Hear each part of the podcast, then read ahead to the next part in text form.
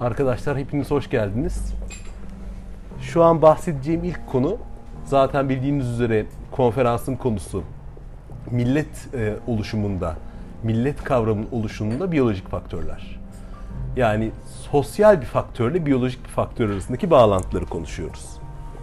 Bu konuyu sistemli bir şekilde inceleyen ilk e, disiplin yani günümüz modern bilimi şeklinde sistem şeklinde inceleyen ilk disiplin sosyobiyoloji ismi verilen daldır. Sosyobiyoloji biraz tartışmalı bir dal. Çünkü çok muhalifi oldu, karşı çıkan oldu. Buna ama ilk adımı atan Edward O. Wilson ismindeki meşhur bir bilim adamıdır, biyologdur. Edward O. Wilson Sociobiology, A New Synthesis yani sosyobiyoloji, yeni bir sentez isimli kitabını 1975'te çıkarttı.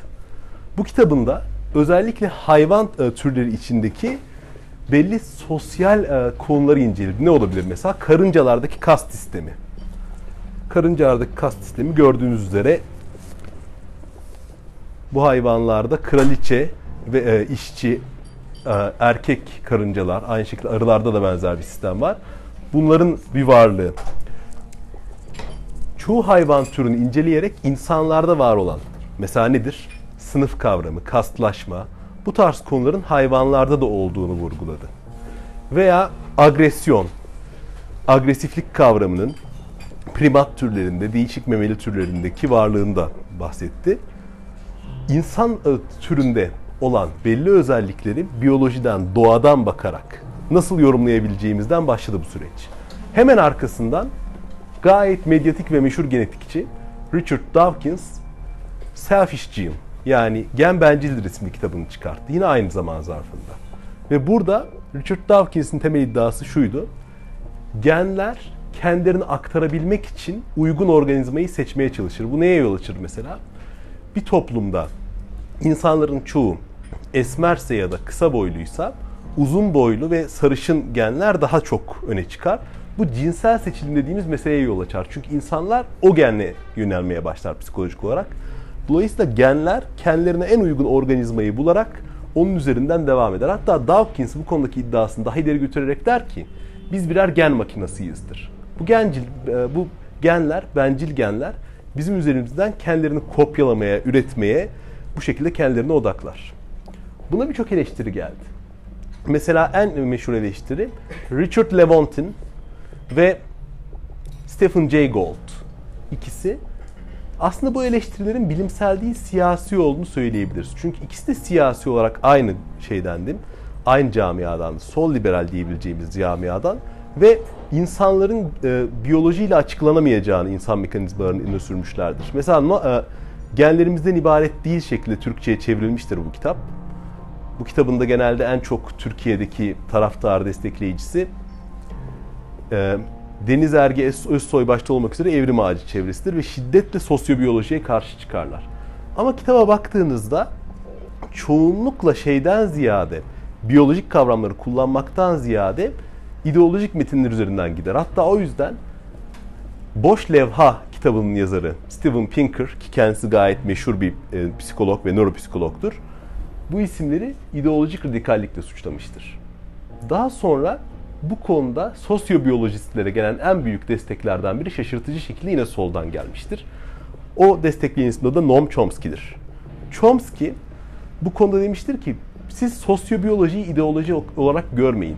Çünkü insanların en baştaki dil edimi, dil e, yetisi gibi konular ancak biyoloji ve sosyal e, konuların, sosyal bilimlerin birleşimiyle çözülebilir. Mesela bu konuda Nicaragua'da verdiği derslerde Chomsky'nin verdiği en iyi örnek şudur. Bir bebek doğunca bu kadar kompleks bir dil gramerini veya yapısını kendi kendine öğrenir. Siz tamam aile ona şeyi verir, sözcükleri verir, konuşarak anlatır ama hiçbir kimse bebeği karşısına alıp bak yüklemi bundan sonra koyacaksın, bu ek şuraya gelecek, özne başa geçecek demez. Dolayısıyla dilin oluşumu ve öğrenimi anlaşılan o ki en baştan bir dil edimiyle bağdaşmaktadır. Bu konuda genetikçilerin çalışmaları vardır ve halen nerede başladığı, gramerin kullanımının nerede başladığı çözülememiştir. Çünkü Neandertallerin de bir dili olduğu iddia edilmektedir. Şu an onun üzerine çalışmalar sürmektedir. Yani sadece bir homo sapiens meselesi değildir bu. Yani şu an sosyal bilimlerle biyolojiyi beraber götürdüğümüzde insanlardaki gruplaşmalar, daha doğrusu daha değişik kavram, kavramını söylemem gerekirse kastlaşmalar, dilin oluşumu, dilin edinimi bu konularda birçok bilgi edinebiliriz. En iyi örnek bu konuda yine sosyobiyoloji kavramının en büyük destekçilerinden ve Richard Dawkins'la aslında çoğu konuda zıt fikirlere sahip olan Franz de Waal. Franz de Waal yazdığı Bonobo ve Ateist ve genel olarak İşimizdeki Maymun gibi kitaplarında bonobolar ve şempanzeleri kıyaslamıştır. Bonoboların daha bir empatik ve e, nasıl desem altruist yani e, özgecil kendisinden önce grubu, insan kendisinden başkalarını düşünen bir yapıda olduğunu söylemiştir ama şempanzeler de bonobolar da ayrı şekillerle bugünkü insanların sahip olduğu yetilere sahiptir. Mesela nasıl? Bonobolarda empati yeteneği daha yüksektir. İlk olarak dilin oluşumunda en çok konuşulan konu gözün takip mekanizmasıdır veya bir şey işaret etme yetisidir. Bebeklerin dil öğreniminden önce ilk edindiği şey hani bebekler onu bunu göstermeye başlar ya şu şu diye bu dilin oluşumunu sağlayan şeylerden biridir. Bu mesela bonobolarda görülen bir şey.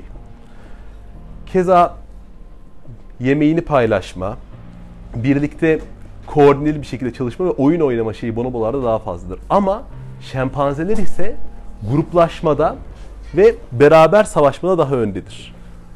Şempanzeler bu primat doğasındaki, dolayısıyla insan doğasında da olan daha hmm, size şöyle diyeyim sert ve daha mücadeleci yapıyı daha çok temsil etmektedir. Şu an Afrika'daki şempanzeler arasında meydan savaşları sürdüğünü bile görebiliyoruz.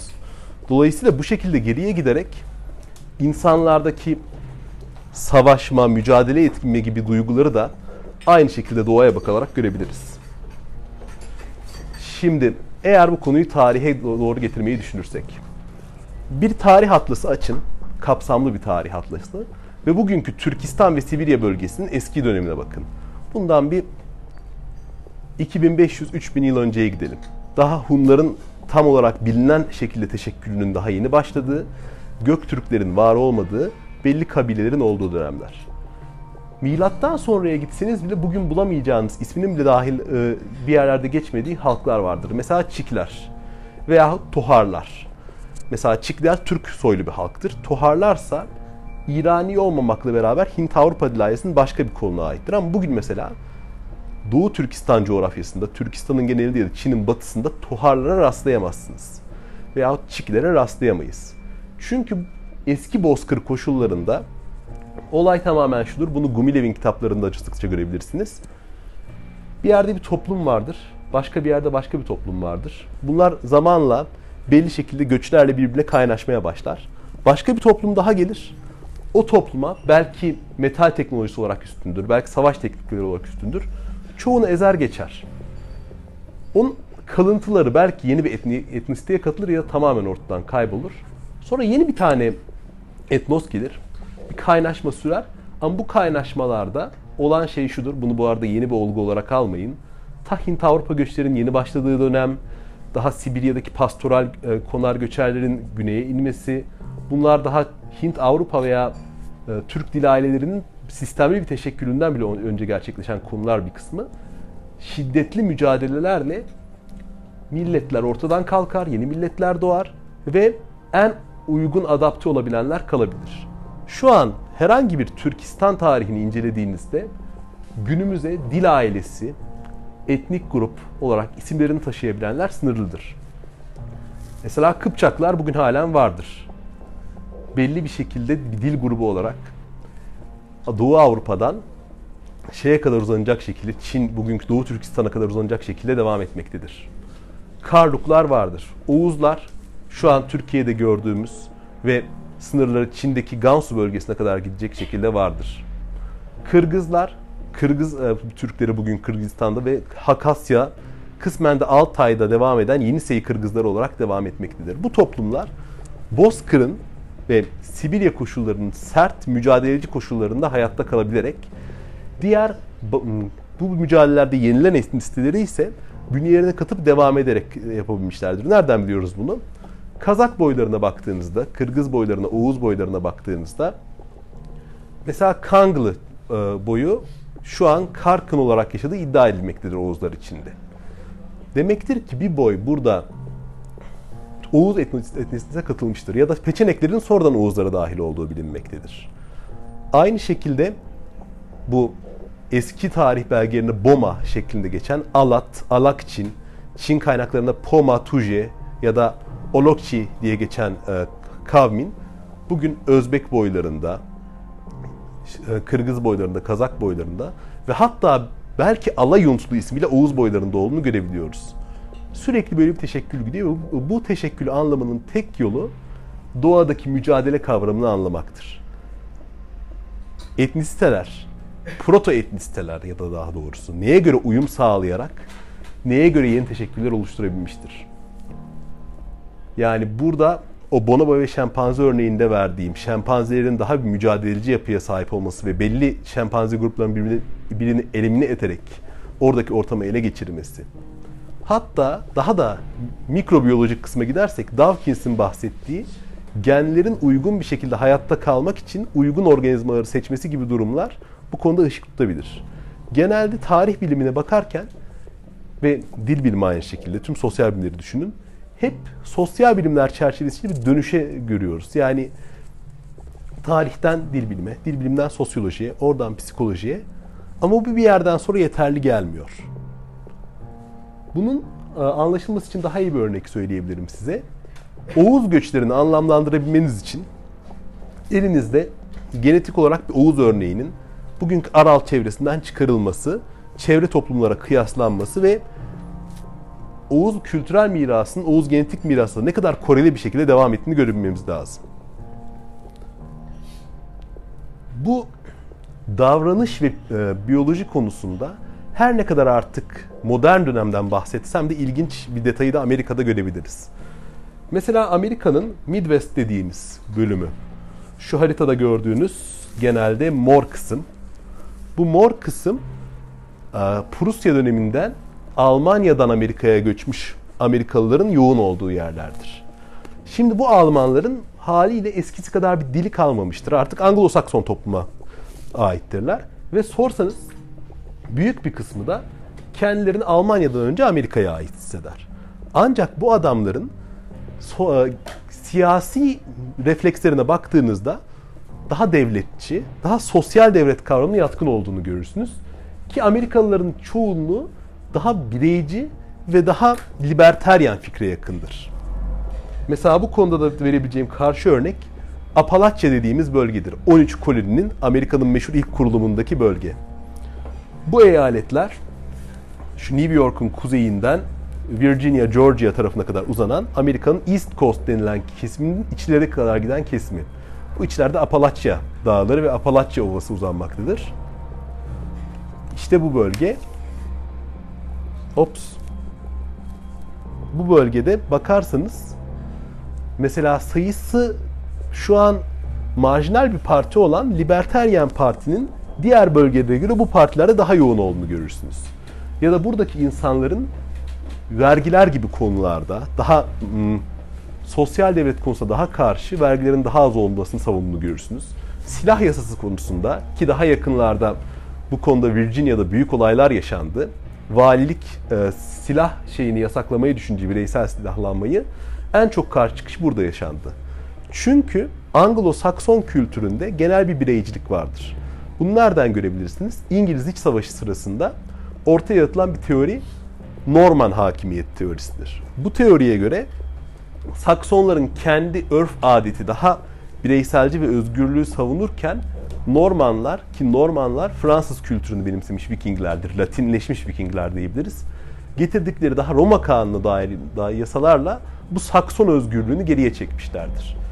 Şu an bunu Amerika'da dahi görebilirsiniz. Çünkü 13 kabil şeyin, 13 e, koloninin isyanında yine bu Norman hakimiyeti tezi ortaya atılmış ve Sakson özgürlüklerini insanların geri istedikleri söylenmiştir. Şimdi bunu daha birçok topluma uyarlayabilirsiniz. Mesela Kuzey Çin ve Güney Çin arasındaki fark. Kuzey Çin sık sık Türk, Moğol, kısmen Tibetli, Tungus, belli halkların istilasına ve güçüne daha açıktır.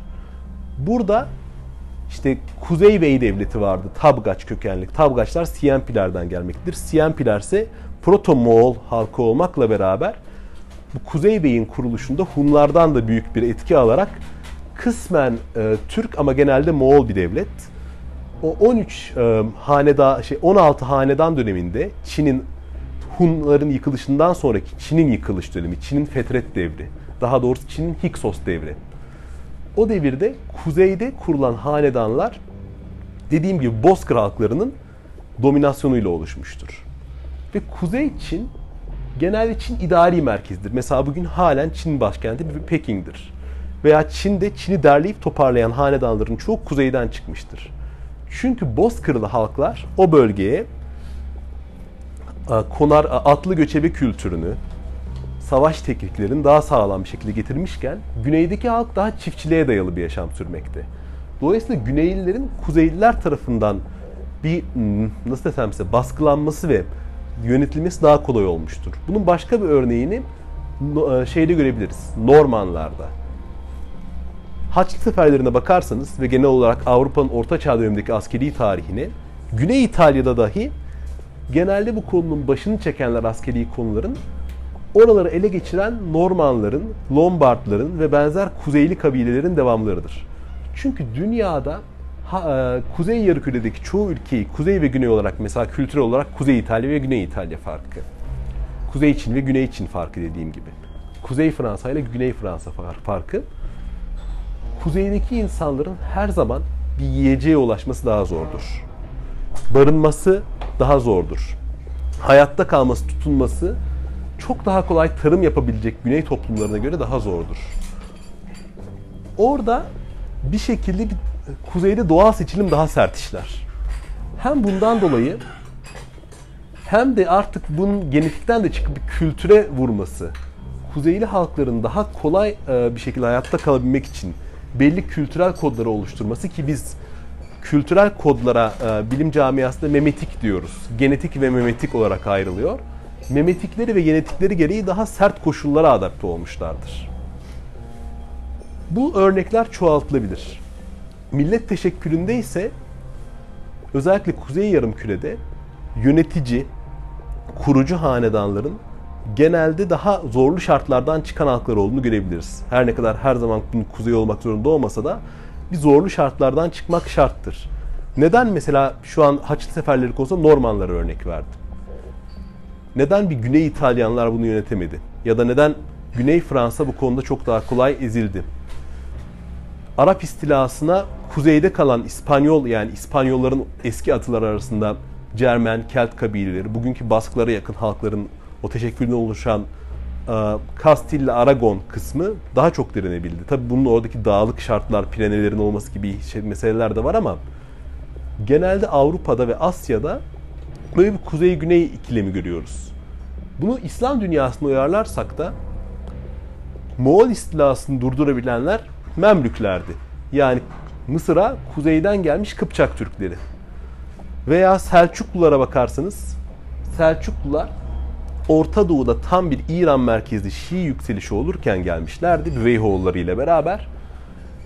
Ve Selçuklular baktılar bu ortamda benimseyebilecekleri ve ideolojik olarak kullanabilecekleri aygıt Sünnilikti. Çünkü ortada bir İran baskısından e, yılmış bir Bağdat vardı, bir Orta Doğu vardı.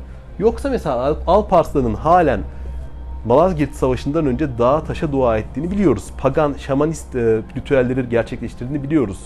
Veya e, Alparslan'da isim koyma ritüelini görüyoruz. Çünkü gerçek adı adamın normalde Muhammed konuluyor doğarken.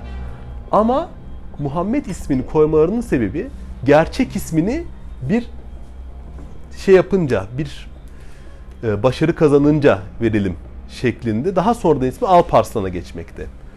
Yani Selçuklular İslam öncesi Türk şeyinden bu kadar kopuk değilken fark ediyorlar ki bölgede böyle bir boşluk var. Burada tutunmaların yolunu sünnilik olarak görüyorlar ve İslam dünyasında Haçlılara karşı olan direnişte yine başı Oğuz Türkleri çekmektedir. Etnik kökeni konusunda bir soru tartışmanın olduğu Selahaddin Eyyubi konusunda da şunu söyleyebilirim. Selahaddin Eyyubi'nin etnisitesi ne olursa olsun yetiştiği Zengilerdir. Musul Zengileridir. Nurettin'dir. Nurettin bu konuda Haçlılara karşı mücadelenin önünü almış ve Selahaddin'in dayalı dışarı bir devlet düzenini alabildiği insandır. O yüzden Arap kaynakları Selahaddin'in etnisitesi ne olursa olsun, Eyyubilerin etnisitesi ne olursa olsun Eyyubi devletini bir Türk devleti olarak almışlardır. Anmalarının sebebi devletin düzenidir, devletin yerleşik yapısıdır. Şimdi Türklerin e, tarihini bu açıdan görmemiz gerekiyor. Mesela Hindistan'da Hint Müslümanlığının, şu anki Pakistan'ın da olduğu bölgenin temelini atanlar Gaznelilerdir, Delhi Sultanlıklarıdır, Babürlerdir. Çünkü bu e, Arap, Fars, e, daha doğrusu Semitik ve İrani toplumlar çok kolay bir şekilde rehavete kapılabilmekte. Yani o İbn Haldun'un asabiye kuramını ortaya atması boşuna değil. Bu toplumlar bir e, yumuşama sürecine girdikçe kuzeyden ve göçü o sırada sürekli olan ya işte Kıpçak Memlükleri aracılığıyla ya toplu bir şekilde gelen Oğuzlar aracılığıyla ya Moğolların beraberinde getirdiği ya da e, sürüklediği Türk kitleri aracılığıyla sürekli bu konuda bir sirkülasyon dönmektedir. O yüzden bir şekilde Türk dünya, İslam dünyasında askeri ve siyasi örgütlenmede Türkler olmadan hiçbir şey yazılamıyor. Özellikle 11. yüzyıldan sonraki durum böyle. Hani hep bir tartışma vardır. Bunu çok sık şeyde görürüz. E, muhafazakar camiada. İşte Türk kavramı nedir? Çoğusu şuna gelir. Mesela İsmet Özel'i bu konuda e, aslında bir kaynak olarak almak doğru olmaz. Çünkü İsmet Özel çok daha mistik ve değişik bir yöne gidiyor. Ama genel e, kanı Türk e, Müslümandır. Çünkü Avrupalılar Müslüman deyince Türk anlamışlardır.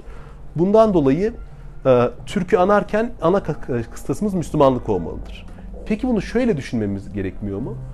Türkler Müslüman uluslar arasında hayatta kalma yetisine, savaşma yetisine ve teşkilatlanma yetisine en sahip ulus olduğu için gerek Avrupalısı, gerek Hintlisi, gayrimüslim unsurlar karşılığında teşkilatçı, savaşçı ve önder olarak gördükleri Müslüman Türk olduğu için Müslümana Türk demişlerdir. Yani tanımın kaynağı Türklerin daha savaşçı bir şekilde bir yapısının olmasından dolayı gelmekte.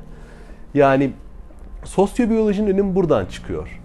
Sebep sonuç ilişkisine bakarken sebebi daha iyi tespit etmemiz için daha derine inmemiz gerekiyor. Yoksa işi sadece yüzeysel bir şekilde sosyal bilimlerin bir kapalı kutu haline gelmesi bu konuda zararlı.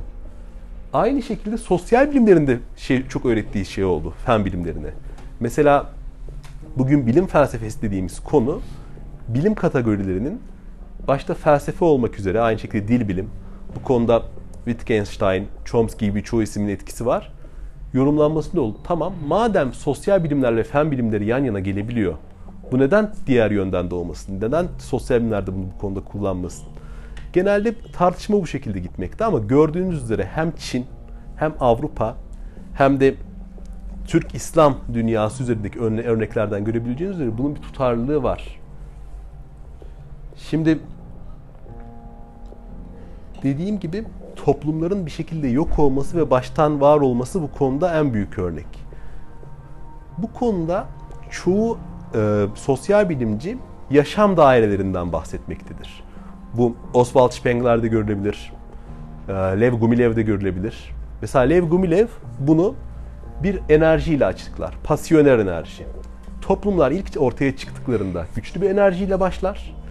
Bir o ortaya çıkışın bir şeyi vardır, gücü vardır.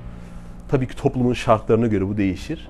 Zamanla bu toplum özellikle yerleşik hayatın getirdiği e, rehavetle bunu kaybettikçe sönümlenme aşamasına gelir. Ya da bu sadece yerleşik hayatla ilgili değildir.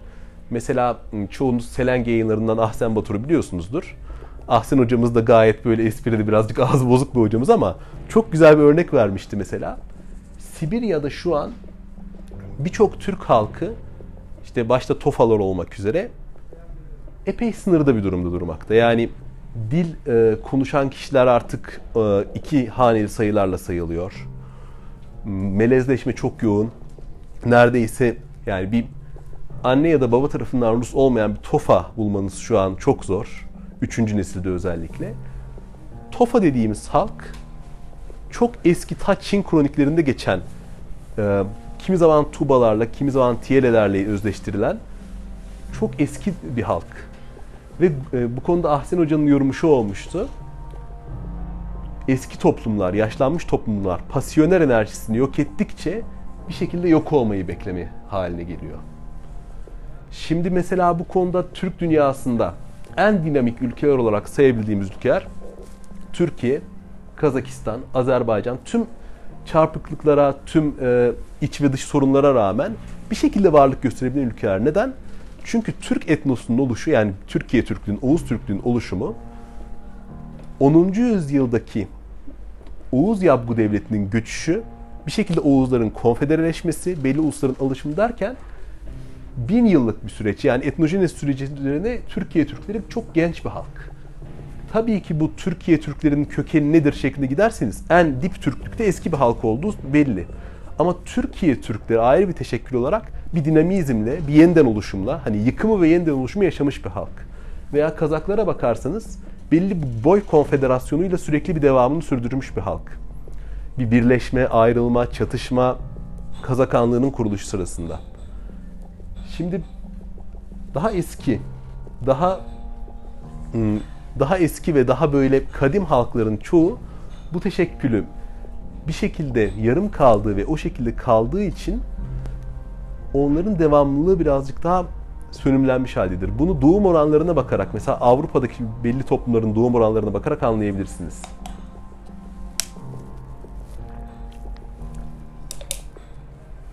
Yani şu an konuştuğumuz pasiyonel enerji gibi konuları da anlamanın yolu bir yerde biyolojik refleksleri anlamakta geçiyor.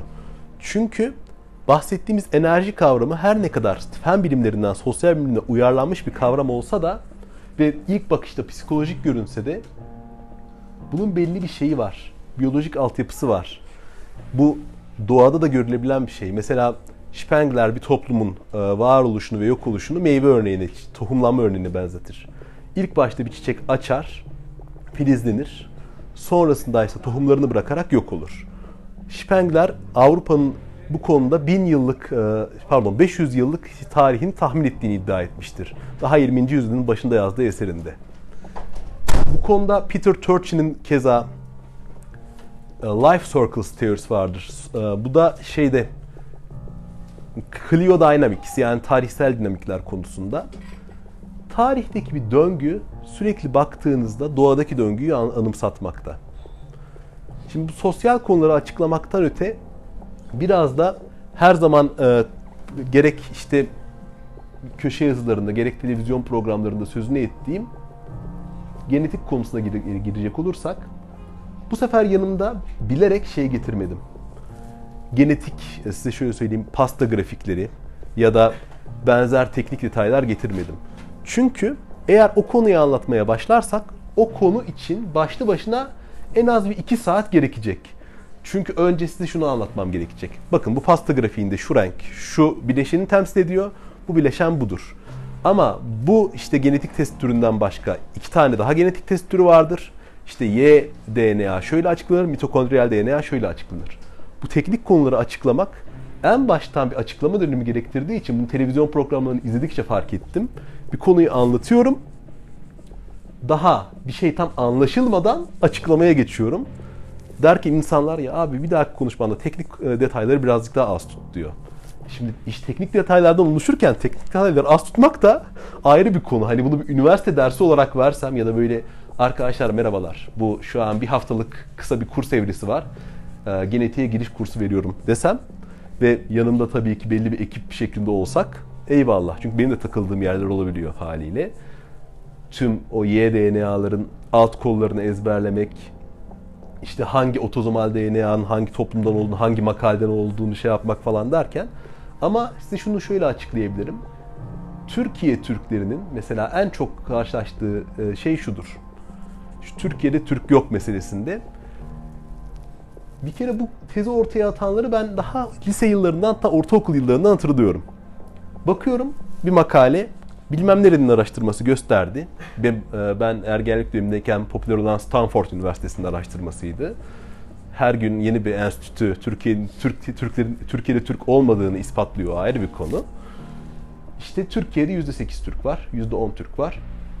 Baktığınızda bu adamlar genelde Türkiye'deki sadece ve sadece Doğu Avrasya kökenli bileşenleri gerek e, YDNA'da olsun gerek yüzdelikli hem anne tarafından hem baba tarafından geçip yüzdelikli oluşan otozomal DNA'da olsun baba hattı DNA'sında olsun hep topladıkları oranlar bu.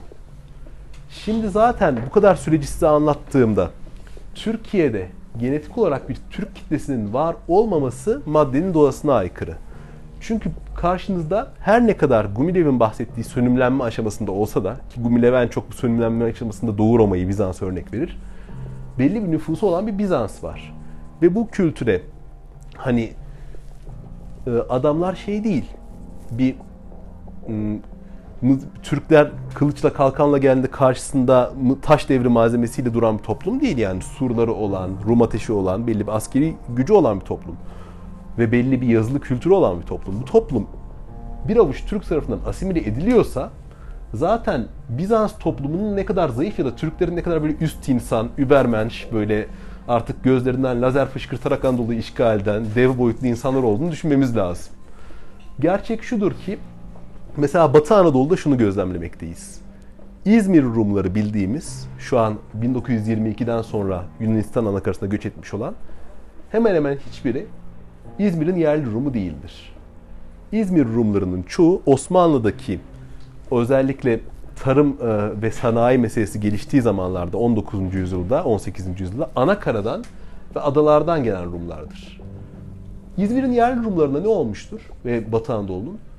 Orada 14. ve 15. yüzyıldaki tahrir defterlerinde bu Rumlar görünüyor. Sonrasında bir ortadan kayboluş var. Bir kısmı Türkler oralara göç ettikçe daha Aydınoğulları döneminden beri yavaş yavaş e, adalara doğru göç etmeye başlıyor. E tabii ki bir kısmı da ihtida ediyor. Yani din değiştiriyor ve oraya gelen Türk kitlesiyle kaynaşmaya geçiyor. Ama yani bir toplum Batı Anadolu Rumluğu bu böyle bir şekilde yok olabiliyor. Bunu anlayabilmek için ne lazım? Oradaki Rumların artık kendilerini etnik, dinsel, kültürel olarak tanımlamasına güç verecek bir kavramın ne kadar zayıf olduğu ve yeni gelen o Türk kitlesinin bu pasyoner enerji konusunda ne kadar güçlü olduğu meselesi. Bunun e, mesela bir örneğini Lev Gumilev şeyde vermektedir. Hunların Kırım Yarımadası'ndaki bir Rum kalesini savaşsız teslim almasında. Birçok öyle kolay bir şekilde düşen Rum yerleşimi olmuştu o kavimler göçü esnasında. Çünkü bu adamların belli bir enerjisi tükenmişti. Bir sınıra gelmişlerdi.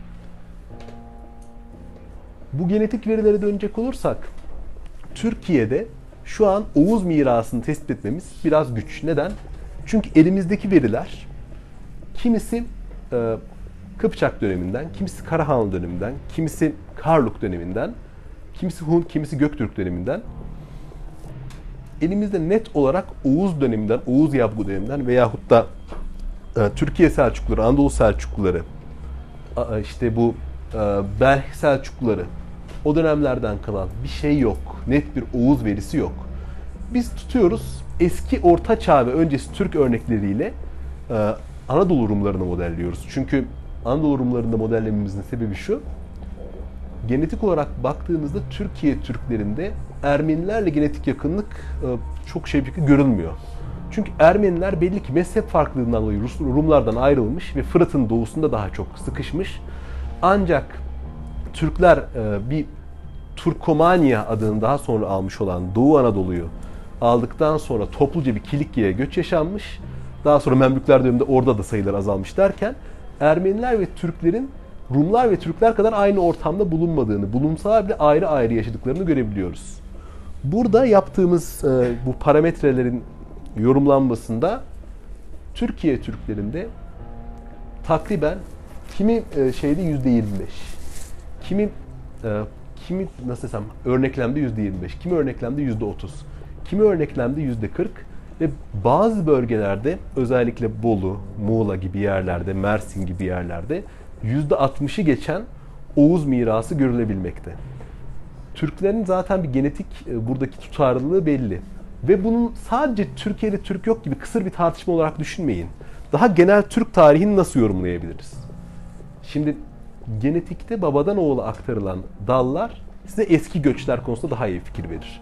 Ama bu yüzdelikli DNA yani otozomal dediğimiz anne ve baba tarafından aktarılan genlerse size yakın dönem karışımları konusunda belirli bir fikir verebilir. Mesela 500 yıl içinde olan bir ihtida sürecini incelemek istiyorsanız otozomal DNA sizin çok daha işinize yarayacaktır.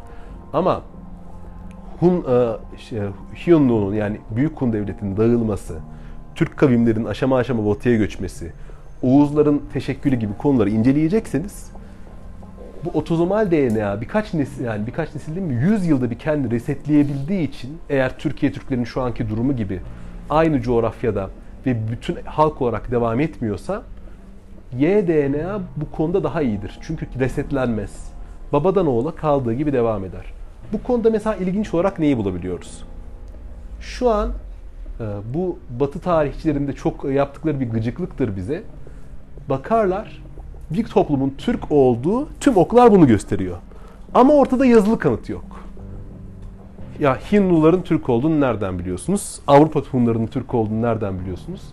E diyorsun elimizde Çuvaşça gibi bir örnek var. Hangi dil, hangi lehçe e, ana Türk grubundan takriben bir 2000 yıl öncesinden de ayrılıp biri işte R diliyken, dil, diğeri bir dakika Z diliyken bir şahs R diliyken Z dili olur diye mesela örnek olarak yazmak fiili Çuvaşça sir. Sir buradaki Y'nin S'leşmesi Z'nin R'leşmesi. Gerçi hangisinin R'leşip hangisinin Z'leştiği şu an halen Türkolojide bir tartışma konusu ama mesele şu. Bir dil kadim özellikleri koruyarak bir coğrafyaya göçülüyor ve kalıyor. Mesela bunu gösteriyorsunuz. Avrupa Hunlarının göç rotasıyla bu uyuşuyor Ogur dili diye. Ki bölük pörçük bulunan yazılı kanıtlarda var buna dair. Hayır. Biz ne bekliyoruz? Atilla'nın bizzat yazdığı mektup gibi bir şey bekliyoruz. Yani burada diyecek bir şey kalmıyor. Ama genetik bu konuda bize bir kapı açıyor.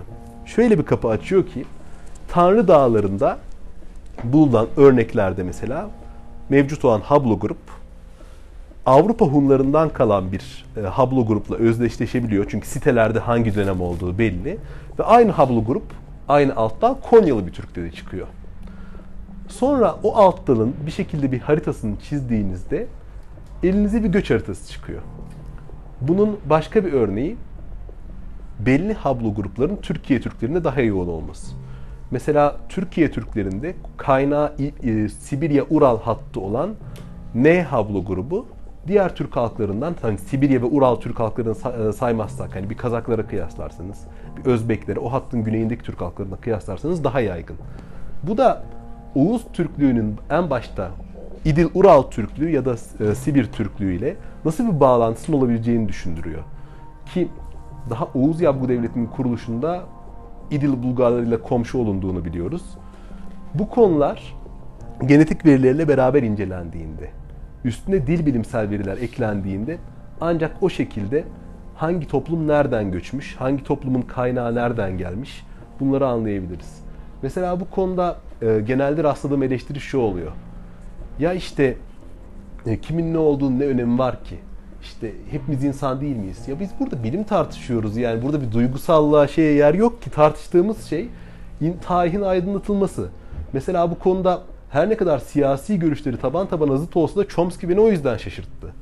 Sosyobiyolojik kuramını ha kendisi evrensel dili ispatlamak için savunuyor.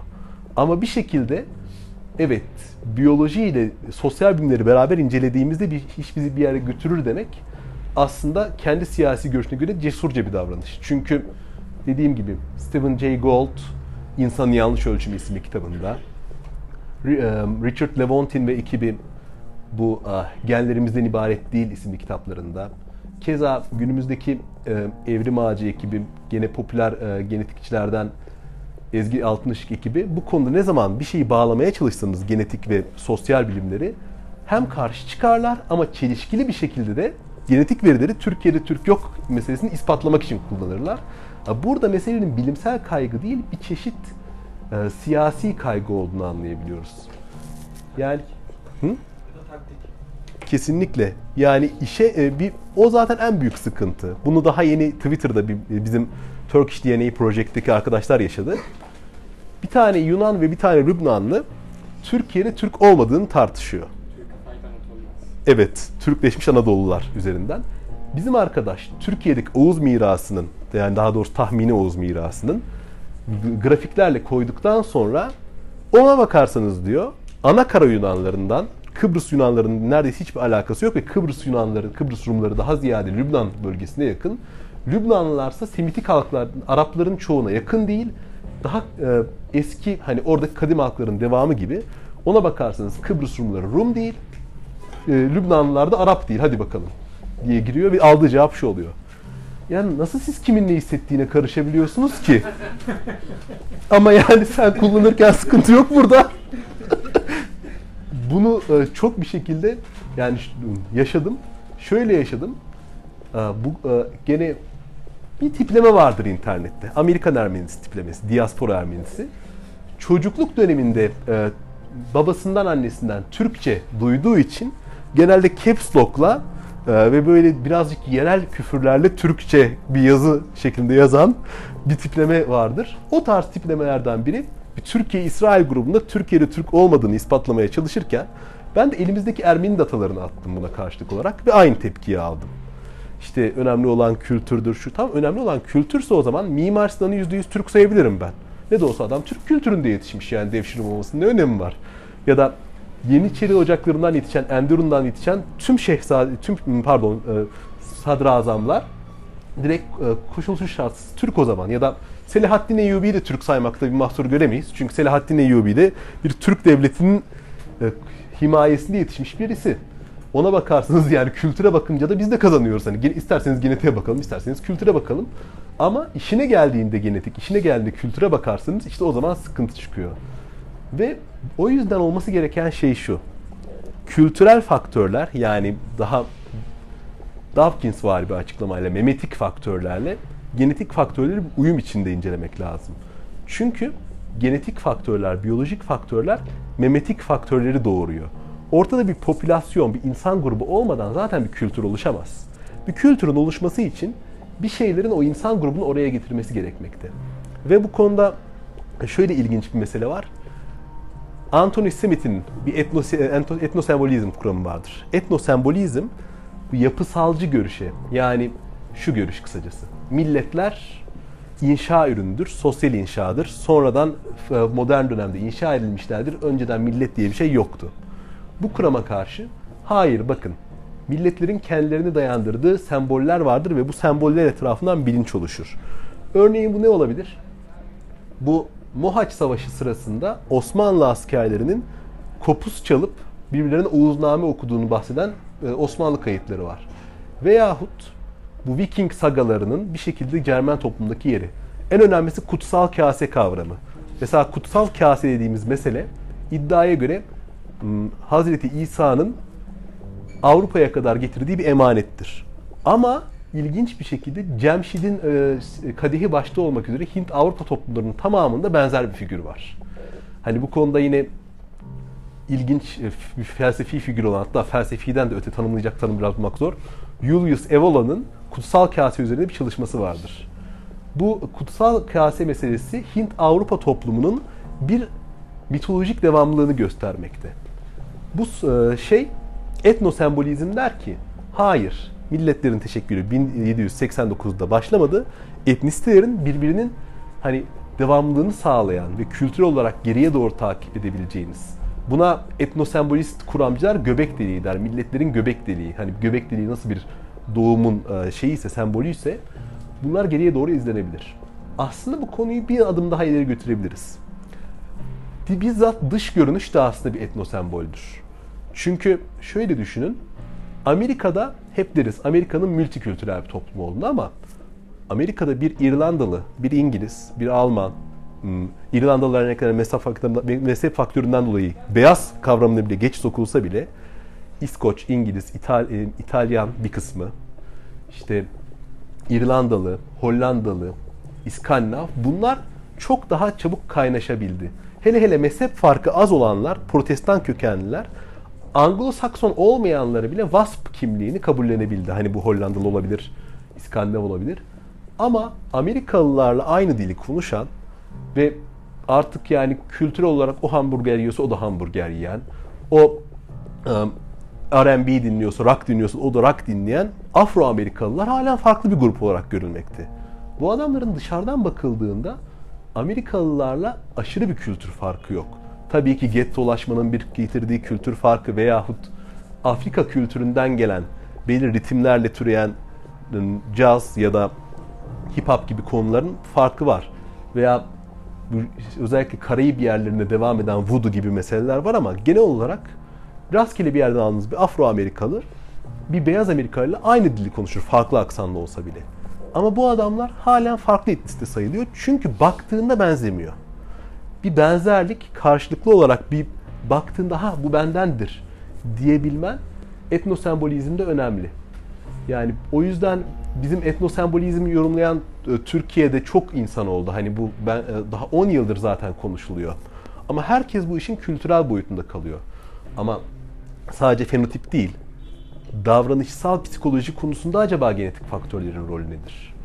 Mesela bu konuda Avrupa'da ırkçı teorilerin en baba isimlerinden Arthur de Gobineau vardır. Gobineau yazdığı kitabında şöyle bir ifade kullanır. İşte biz Yunanlar için tembel deriz, İtalyanlar için sadık değil deriz, İngilizler için soğuk deriz, Ruslar için kaba deriz. Bu kavramların doğru ya da yanlış olduğu tartışılır. Ama var olan şey böyle kavramların olduğudur. Yani toplumların psikolojisinden görünüşüne kadar aslında çok daha temeli geriye uzanan faktörler vardır ve bunu ancak sosyal bilimlerle e, fen bilimlerini bir araya getirerek anlayabiliriz. Hani tasavvufta sürekli bahsedilir. Yunus Emre bunu çok bahseder. İlim ilim bilmektir, ilim kendim bilmektir diye. Ya da her zaman bir tasavvufta önce kendini bil meselesi gelir. Ben bu konuyu en eskiden beri, çocukluğumdan beri insanın kendini bilmesini, insanın kendi içini bilmesi olarak algıladım. Bu kendi insanın psikolojisini çözmesidir. Aynı şekilde psikolojiyi çözerken daha derin inerek bu psikolojik faktöre neler sebep oluyor. Mesela verdiğim örnek çok tekil bir örnek ama eminim e, bu konuda rastlamışsınızdır belki benzer bir şeye. Benim e, Kuzey Kazakistanlı tanıdığım bir abla vardı. Eniştesi anneanne tarafından Almandı. Kazakistan'a ta Volga Almanlarından yerleştirilmiş olanlar. Alman anneannesi de genç yaşta ölmüş. Hani görmemiş ve Alman kültürüne dair hiçbir şey bilmiyor. Kazakların içinde büyümüş. Ama her zaman diyordu onu tanıyan bir abim o enişteyi. Sıradan bir kazak mesela alıp e, şeyi bu tohumu bahçeye normal bir şekilde ekerken bu adam iple dizerdi ve tohumları o ipin etrafına dikerdi. Ya da bir giyim, kuşam, davranış, tarz olarak hiçbir şekilde bir kazak gibi davranmıyordu der mesela. Bu e, çok tekil bir örnek ama Türkiye'deki bölgeler arasındaki bile davranış farkını ya da bir psikoloji farkını bence bu konuda açıklayabiliriz. Ya da Türkiye'nin bölgeleri konusunda şöyle bir şey var. Türkiye'de farkların çoğu yine yüzeysel. Mesela genetik olarak baktığınızda bir Kuzey İtalyan ve Güney İtalyan farkı çok daha fazlayken dolayısıyla bir Kuzey İtalyan ve Güney İtalyan stereotipi çok daha normalken Türkiye'de şuradan rastgele birinizin DNA'sını aldım. Varsayalım ki Ankara'nın şeyinden olun, çubuğundan olun. E, aklıma direkt sen gelmişsin ve DNA Memes grubunda olduğun için direkt aklıma geldi. İlk sana şey çıkabilir. Turk South, Güney yani Adanalı'ya en yakın şey kategoride çıkabilirsin. Ya da bir tane varsayalım şeyden aldık, Muğlalı'dan. İlk kategori Turkish Northwest yani Sakarya civarı çıkabilir. Daha doğrusu Batı Marmara tarafı. Çünkü Türkiye Türkleri belli bir homojenliği yakalamış bir şey olarak. Bu konuda istisnai olan bölgeler var ama bir homojenlik var sonuçta Türkiye Türklerinde. Bir İtalyanlar ya da bir şey başka bir örnek vermem gerekirse Yunanlar gibi mesela bir Pontus Rumlarıyla bir Anakara Rumları arasındaki fark kadar büyük bir fark yok Türkiye Türklerinde. Ama ona rağmen bile herhangi bir toplumun etrafındaki yerel unsurla olan benzerliklerinin davranışa etkisini görebiliriz. Bunu dediğim gibi Çin, İtalya gibi örneklerden de sürdürebilirsiniz. Aslında bu konuda en iyi laboratuvar herkesin aynı dili konuştuğu Latin Amerika gibi multietnik yerlerdir. Oradaki insanların tamamen farklı koşullara sahip olması gibi. Bu konuda mesela çok tartışılan bir deney vardır. Minnesota e, ırklar arası e, evlatlık deneyi. O deneyde Afro Amerikalı çocuklarla bu beyaz çocukların farklı bir şekilde evlat edindirilme şeyi yapılmış. Mesela beyaz ailelerde, orta düzeydeki beyaz ailelerde zenci çocuklar evlat edilmiştir. Zenci ailelere de e, beyaz çocuk evlat edilmiştir. Yani bu adamlar kendi ortamlarında büyümüyor. Çocukluktan beri farklı ortamlarda büyüyor.